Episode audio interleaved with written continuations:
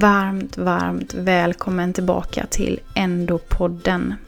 Denna podcast som helt, fullt och totalt lägger fokus på kvinnosjukdomen endometrios. En väldigt vanligt förekommande sjukdom som drabbar väldigt många kvinnor runt om i världen och så även i detta landet Sverige. Känn dig varmt välkommen hit. Jag heter Madeleine Säljö och det är jag som gör denna podcast. Veckans avsnitt och berättelse är från en tjej som heter Saga. Hon eh, delar med sig av hur allting började för henne och hur det varit och hur det är. Hon berättar även lite sidospår som berör sjukdomen. Den här intervjun blev en av de starkaste jag gjort hittills i den här serien. Eh, och ehm, jag hoppas att den ehm, berör er lika mycket som den gjorde för mig. Det är väldigt svårt att fånga upp vissa saker på en podcast men det var eh, väldigt många tillfällen där jag fick fokusera på att vara i nuet och inte bryta ihop. Eh, och det är väl just det att Saga liksom lyckas sätta ord på saker som inte jag själv eller någon annan har gjort innan.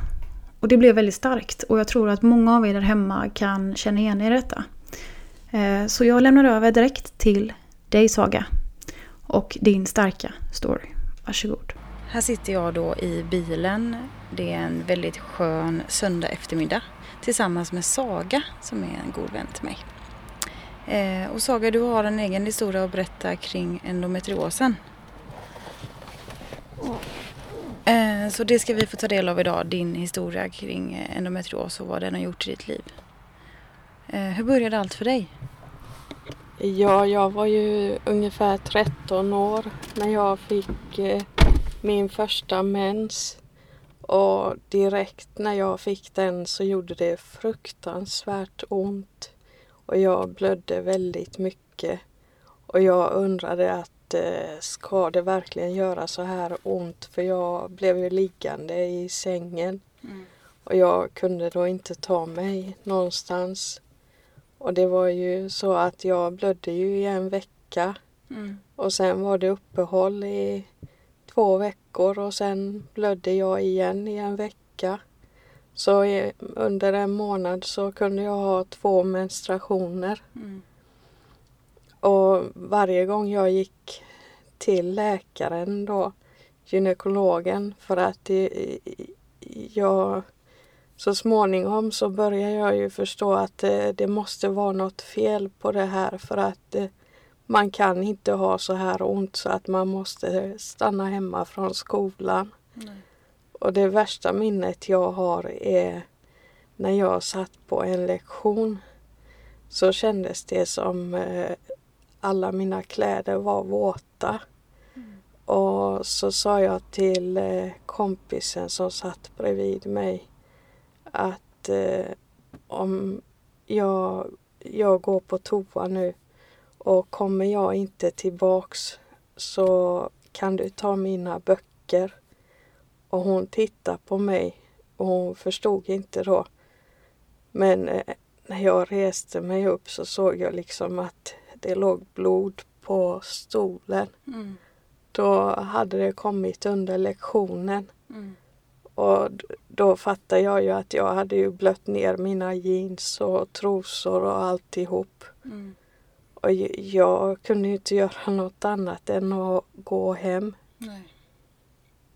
Och, ja, och det, det var ju fruktansvärt och liksom det här att aldrig känna sig säker över att eh, man skulle blöda ner alla kläder och allting och. Andra skulle se det, mm. särskilt i den åldern. Mm. Och just det här att det kunde bara gå 40 minuter så var allting igenom. Mm. Det kunde gå så fort? Ja, mm. det spelade ingen roll. Nej. Hur mycket skydd jag hade tagit på utan det liksom bara blödde igenom. Mm. Men eh, konstigt nog så fick jag aldrig järnbrist eller något sånt. Nej, du klarade dig från det? Ja. Mm.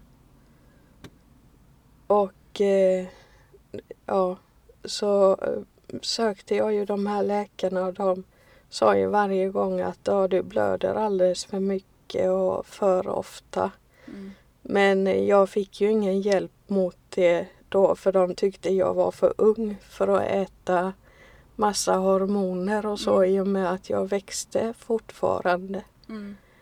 Och då fick jag ju lida så här flera gånger i månaden. Mm. Gud vad sjukt alltså.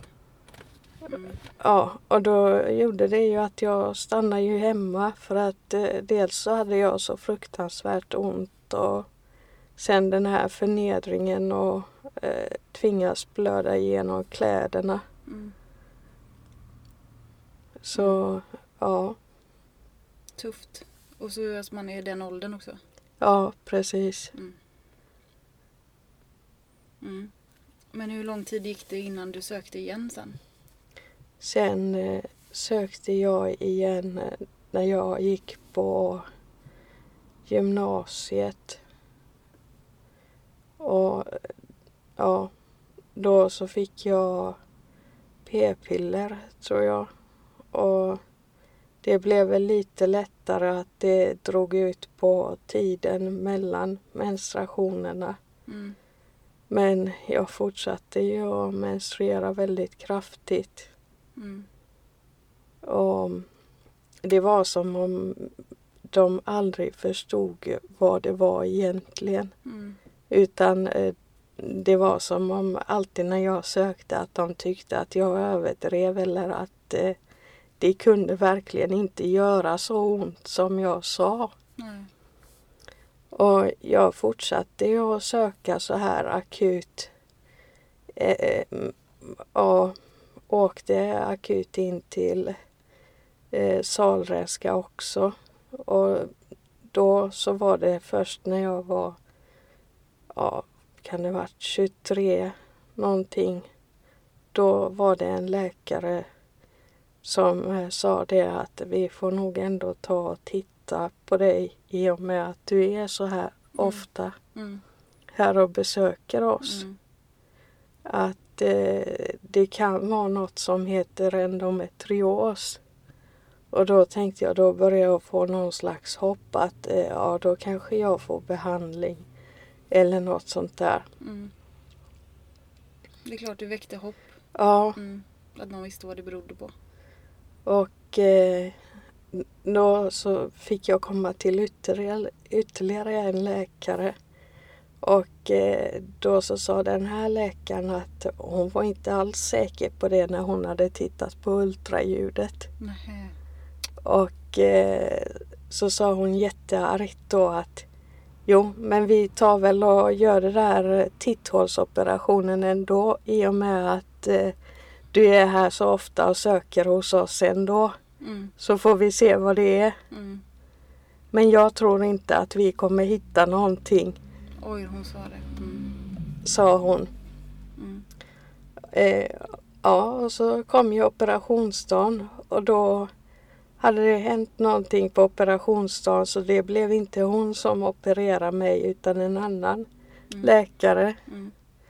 Och så när jag vaknade upp så kom hon och så sa hon det att ja, vi hittade endometrios i dig Mm. och vi har bränt bort eh, med laser och så precis där jag sa att jag hade ont. Mm. Du fick bekräftat då. Ja, Mm. och då kändes det härligt så tänkte jag ja, hoppas hon den här kvinnan nu ser mina journaler Mm. och att eh, det inte var så som hon trodde då. Nej, hon är motbevisad. Utan jag har bevisat att det var någonting och Mm. att eh, det inte kan göra så här ont. Mm. För det var ju det att det gjorde ont att gå på toaletten. Vad man än gjorde på toaletten gjorde fruktansvärt ont. Och det, det gjorde ont att ha sex. Mm. Alltså, ja.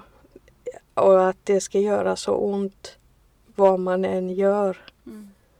Mm. Och menstruera. Att eh, det var så konstigt. Och så hade jag ju hoppats på, ja ja men då får jag någon behandling om jag har en sjukdom. Mm. Eller så. Mm. Och så fick jag en eh, broschyr i handen. Så sa de det, ja du kan läsa det här. Och så sa jag, ja vad får jag för behandling nu då? Nej, vi tänkte att eh, vi ser eh, hur det här har fungerat på dig nu. Den här operationen så att eh, det får vara så här en tid och så får det lugna ner sig. Mm. Och så tänkte jag, aha. Och så gick jag hem. Så gick det tre månader så var helvetet igång igen. Mm. Kom tillbaka. Ja. Mm.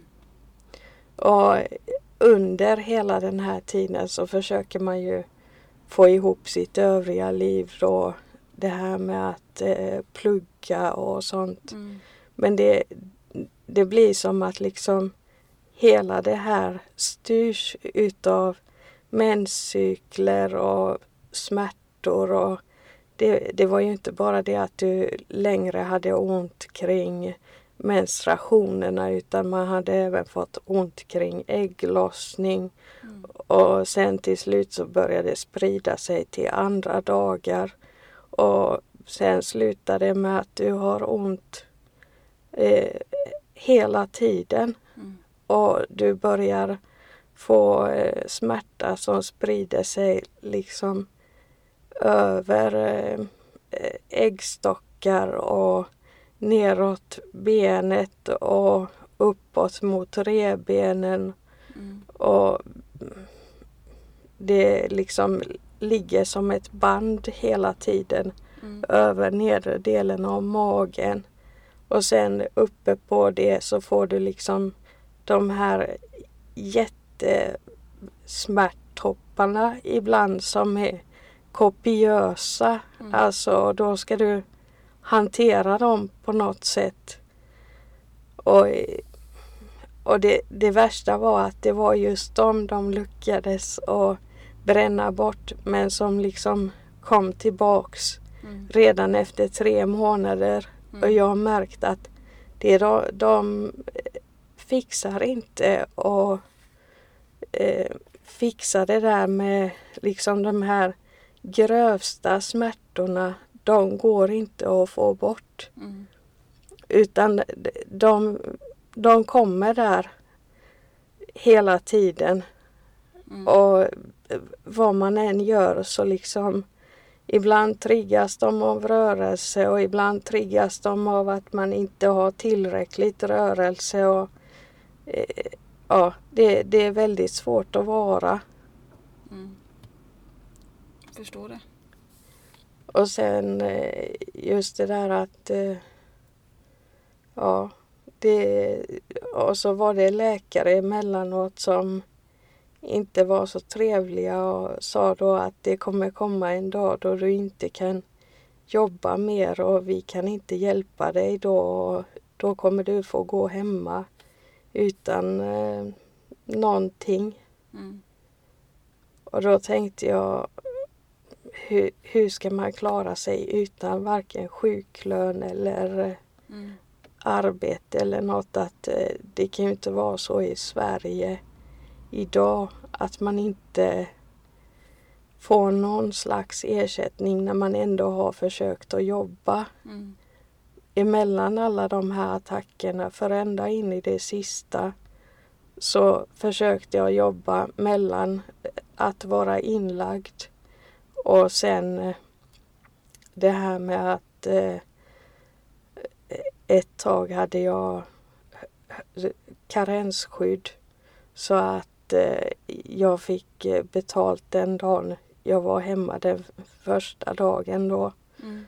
Och så var jag en tillgång till arbetsgivaren när jag väl var på arbetet. Mm. Men att de aldrig räknade in mig i själva arbetet. Mm. Utan att kom jag så var det bra att jag kom. Mm. Men det kändes så fruktansvärt för att man gled liksom sakta iväg från Mm. arbetet. Man märkte hur det blev svårare och svårare att hålla sig kvar. Mm.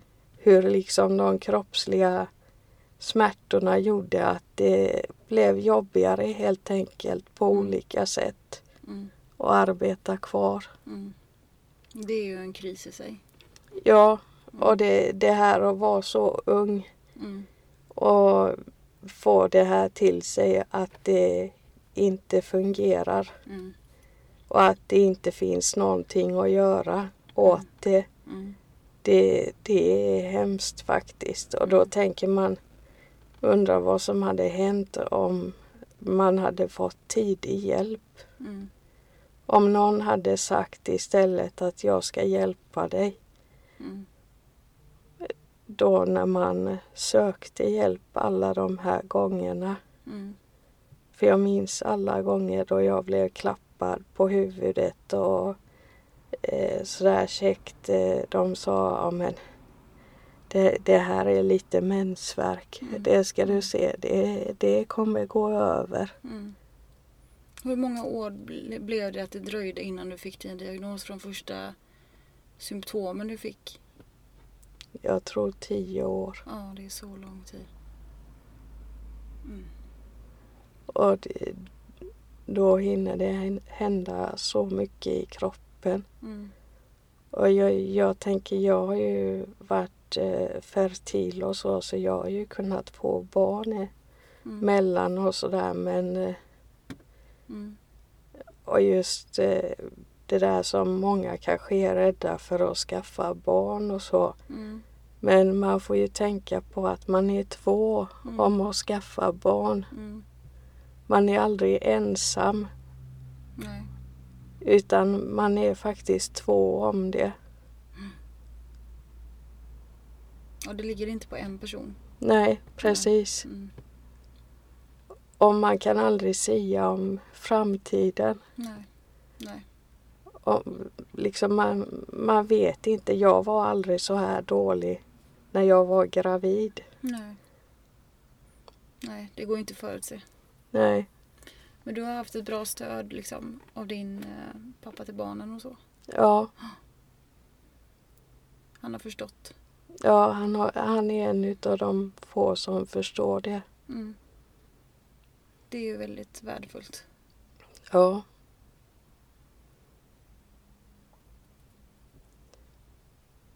Verkligen värdefullt. Men du har, du har ju testat en hel del olika behandlingar ja, åren.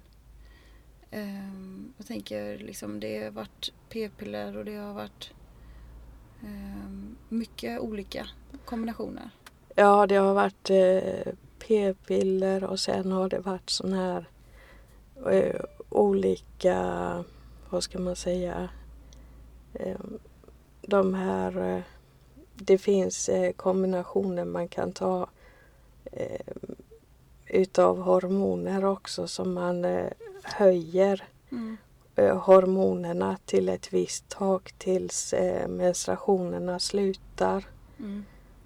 Och sen finns det ju alltid olika mängd utav hormoner i olika preparat. Mm. Och så får man pröva olika hormoner. Det- är inte likställt med p-piller. Nej.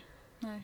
Och eh, sen har jag testat eh, olika då eh, hormonspiral Mm. är det bästa då som jag har nu i kombination med Visan. Mm.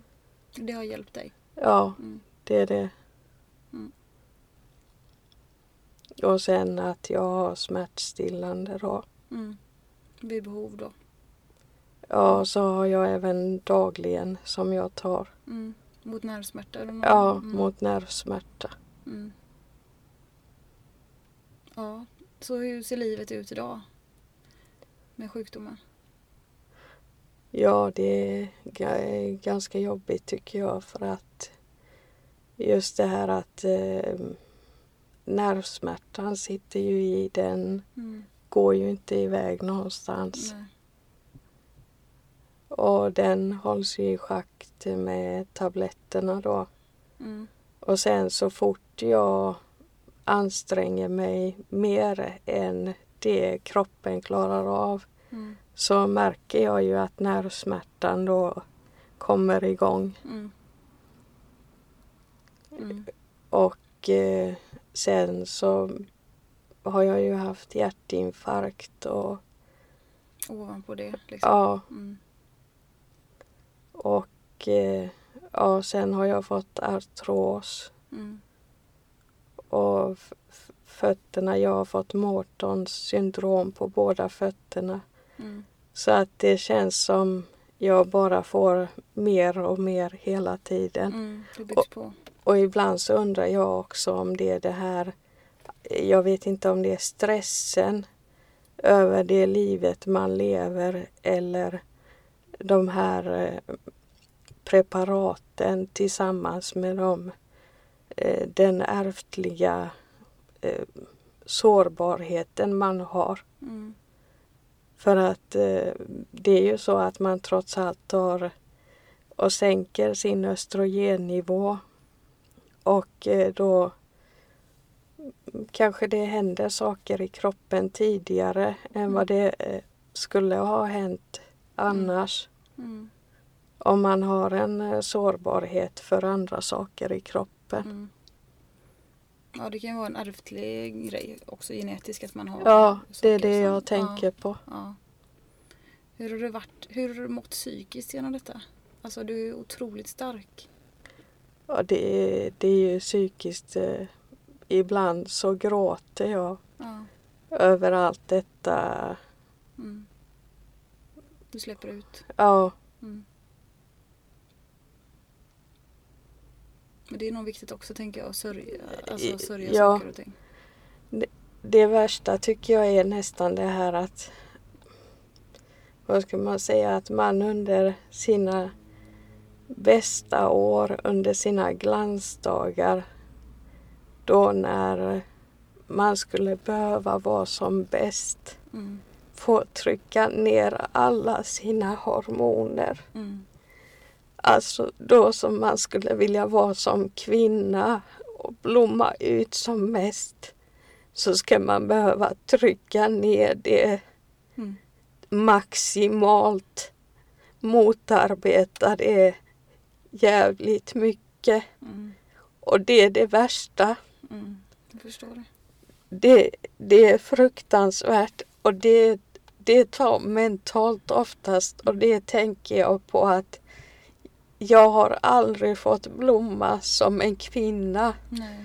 förutom de gångerna då jag har velat skaffa barn. Mm. För då kan jag gå utan hormonpreparat. Och det är själva känslan, just Mm. det här för att man känner ändå av en del biverkningar Mm. och man känner av det här att man är inte kvinna fullt ut på det sättet Mm. att mm, som man är utan alla de här preparaten Nej. och hormonerna. Mm. Mycket biverkningar. Ja, Mm. framförallt biverkningar oavsett Mm. liksom. Mm. Jag, jag känner ju mm, av ofta det här, vad ska man säga, ledvärk och värk i kroppen överhuvudtaget tycker Mm. jag. Mm. Eh, kommer det, hur man än gör, Mm. så tycker jag det kommer utav de här preparaten när man drar ner på östrogennivåerna. Mm. Och sen eh, också det här med när man mixtrar Mm. så får man ökad eh, skäggväxt. Mm. Och det är det många som inte pratar om heller. Mm. Nej, det är, det är också en, det är en tabugrej. Det är en tabugrej ja, Ja. som ingen vill helst prata om. Nej. Men när man håller på väldigt mycket med hormoner Mm. så händer det saker i kroppen. Mm. Och det, det är ingen kvinna som vill hålla på liksom och nästan raka sig Mm. eh, efter eh, skägg. Mm. Nej. Nej. Men det är sånt, och så just den här känslan av att liksom när man är i sina bästa år Mm. så får man ändå inte leva dem Mm. fullt ut utan behöver trycka ner alla de hormonerna som vill vara hos en, allt det som Mm. vill vara hos sig. Mm. Mm. Man Det- går mot naturen och hela kroppen. Ja, Mm. Mm. för det, det, det har jag tänkt på ofta att det, det skulle jag önska att jag bara kunde strunta i och Mm. bara vara. Men jag, jag kan inte det. Jag blir jättedålig. Mm. Så alltså det om någon tror att man eh, bara tar och gör sig till och vill ha alla mediciner och sånt och det här med hormoner Mm. och smärtstillande och vara hemma och så. Jag skulle ge alla mina dagar för att kunna gå ut och arbeta. Mm. Känna mig som en kvinna. Mm. Jag- ser de andra i min ålder hur de tränar Mm. och hur de arbetar och hur de kan göra allt möjligt. Jag har inte den energin för jag blir dålig. Mm. Och gör jag något jättemycket så får jag sota för det dagen efter för kroppen orkar inte. Nej. Den blir helt slut. Mm. Den förändras ju, den åldras ju väldigt fort känns det som. Ja, När man går det, på de här preparaten. det känns som kroppen åldras i förtid Mm. precis. Mm. Och jag, jag ska säga att man kanske inte bör säga men mitt värsta preparat som jag gick på Mm. var faktiskt Soladex. Mm. Injektionerna. Mm. Jag, jag trodde jag skulle alltså bli mentalt eh, Mm. Mm. dö på det preparatet. Mm. Och sen, det var som man blev en robot. Mm. Och det här att den hjälpte inte, jag blödde ju på det också. Mm. Det var ett högt pris för ingenting. Ja, Mm. och jag, jag tror jag tog tre sprutor och jag, jag kände som Alltså jag var levande död Mm. och jag hade huvudvärk hela tiden. Jättehuvudvärk. Jag såg färger Mm. Mm. och framförallt, nej, Väldigt obehagliga grejer att uppleva. ja, Mm. Och det tror jag många inte tänker på att det är ett väldigt högt pris eh, att betala för Ja. att försöka funka normalt. Eller om man nu ska säga normal, det är inget bra uttryck men Nej. fungera. ja, fungerar jag. Mm. För det är det man försöker göra ända till slutet, Mm. till eh, kollapsen. Mm. Och då eh, sen inser man att man kan inte. Nej. Nej, man förstår ju begränsningarna. Att man är begränsad. Även om man viljan är där Ja, så är det ju kroppen som säger nej. ja, Mm. Och det är så många känns det som som eh, går i den här bubblan. mm, Vi har träffat många genom åren ja, som eh, befinner sig i den här zonen. Mm. och det, det som eh, känns för mig är också att eh, jag, jag är hundra på att min dotter har fått det här också. Mm. Så hon har ju också fått börja laborera med massa olika preparat Mm. och se vad som fungerar för att inte blöda så mycket. Och, Mm. Och då ser du allting upprepas liksom. Ja. Mm. Det är tungt. ja, Mm. och det som jag tänkte att eh, jag hoppas att det hjälper att hon har fått hjälp i tid. Mm. Förstår läkarna? Lyssnar de på? Ja, de eh, lyssnar ju lite mer när jag säger eh, då att jag har en historia bakom mig Mm. utav det här. Mm. och att eh, det måste liksom stoppas och hon, hon behöver ju inte ha menstruationer Nej, så som jag behövde ha. nej. Och det, det känns väldigt skönt att det har de fattat nu att man inte behöver ha det. Mm. För det förstod de ju inte på den tiden som jag var ung. nej. Då skulle man blöda och då skulle man ha det. Och, Ja. Mm. Mm. Hur mår hon idag? Ja, det är ju varierande sådär att i, ibland så har hon ont och ibland eh, lite mindre men hon mår betydligt bättre nu när hon inte blöder. Mm. Det är en skillnad liksom. Ja, Mm. Och det är ju väldigt, väldigt eh, starkt. Och framförallt viktigt tror jag som förälder att man ser de tecknen och man tar det på allvar. ja och sen eh, tycker jag det som är fantastiskt är att hon i sin tur kan hjälpa andra ungdomar Mm. som kanske inte hade Mm. blivit hjälpta om Nej. hon inte hade vetat. Nej, precis. Det sprider sig. Ja, Mm. Det är väldigt bra. Och hon har dig som stöttepelare liksom, som har gått igenom allting. ja precis. Också väldigt värdefullt. Ja, att ha någon som vet lite. För det behövs ju när man åker Ja. in och det behövs när man ska få behandling. ja, Men du har ju gjort många operationer. ja. Eh, vad är komplikationer? Är det, är det någonting som du vill berätta om? Nej, det, jag har väl egentligen inget så som jag kan berätta om komplikationer kring operationer. Mm.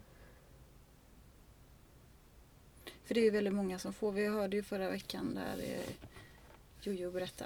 Det är ju inte bara, menar jag, eh, att Nej. opereras. Det kostar mycket. Mm. Hur ser du på framtiden? Ja, jag ser ändå ljust på det att eh, jag ska kunna eh, göra mina sjukprogram och Mm. hålla mig relativt bra på den här nivån jag är nu. Mm. Och jag hoppas ju att det inte ska tillstöta fler saker. Mm. Mm, Du, har, du har mer än för mycket. Ja, Mm. Hur känner du eh, sen du började söka vård för endometrios? Eh, kan du känna en förändring i, i, i sjukvården och samhället? Och, eh, är det fler som vet vad sjukdomen är för något? Har du någonting förändrats? ja det är kanske gynekologerna och så Mm. eh, är bättre. Men i samhället övrigt så tycker jag inte mycket har förändrats. Nej. Det som jag känner oftast att eh, jag blir bemött av att ja men då är det antingen att äta p-piller Mm. eller så i värsta fall så går man och opererar sig så Mm. blir man frisk. Mm. Ja, Och är- det, det är det många tror. mm. Men det är ju inte så fallet det är Nej. för de som blir värst eh, drabbade. Nej. Det är inte lösningen. Nej. Nej. Och det, det är ju det att eh, forskarna vet ju inte varför vissa fungerar på bara p-piller och varför vissa blir eh, väldigt sjuka och Nej. hur det kommer sig att alla är så olika och Mm. ja. Idag vet de ju inte varför det är så. Nej. Det är väldigt eh, lite kunskap överlag eller så. Mm. Förståelse i i vetenskapen var, varför, det, varför det kommer att drabba vissa. Ja, Men om det är någon som eh, har lite, vi säger det är någon tjej som lyssnar här nu som har smärtor som kanske känner igen sig och var lite orolig. Är det någonting du vill eh, ge ditt tips om hur man ska ta sig vidare? det som jag skulle säga är att om man känner sig orolig, om man tänker så här att nej, jag tror inte att detta kan vara normalt. Om man känner redan en sån här gnagande oro, Mm. då bör man söka någonstans. Och det finns eh, flera ungdomsmottagningar där de är väldigt eh, trevliga Mm. och bra på att bemöta eh, just den målgruppen Mm. om man är ung.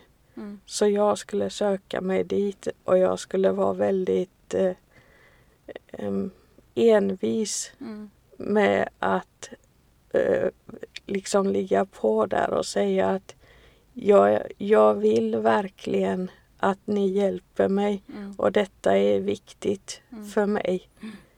Att eh, man kan faktiskt få vara blödningsfri ifall det är så att man har så stora blödningar. Mm. Man behöver inte blöda hela tiden. Nej. Nej, det finns alternativ. Ja, Mm. Men det är bra ord att få med sig, att vara envis, stå på sig ja, många gånger. ja. Mm. Tack så mycket för att du delar med dig. Tack själv. Det är modigt. Och jag tror att det är inte bara jag som eh, tycker det. Utan det är många som, de som lyssnar, som kommer förstå det. Så tack så Mm. jättemycket. Tack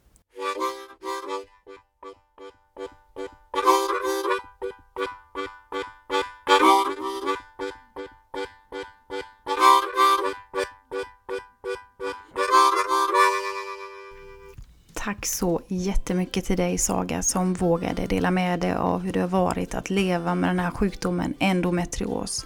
Och hur det är.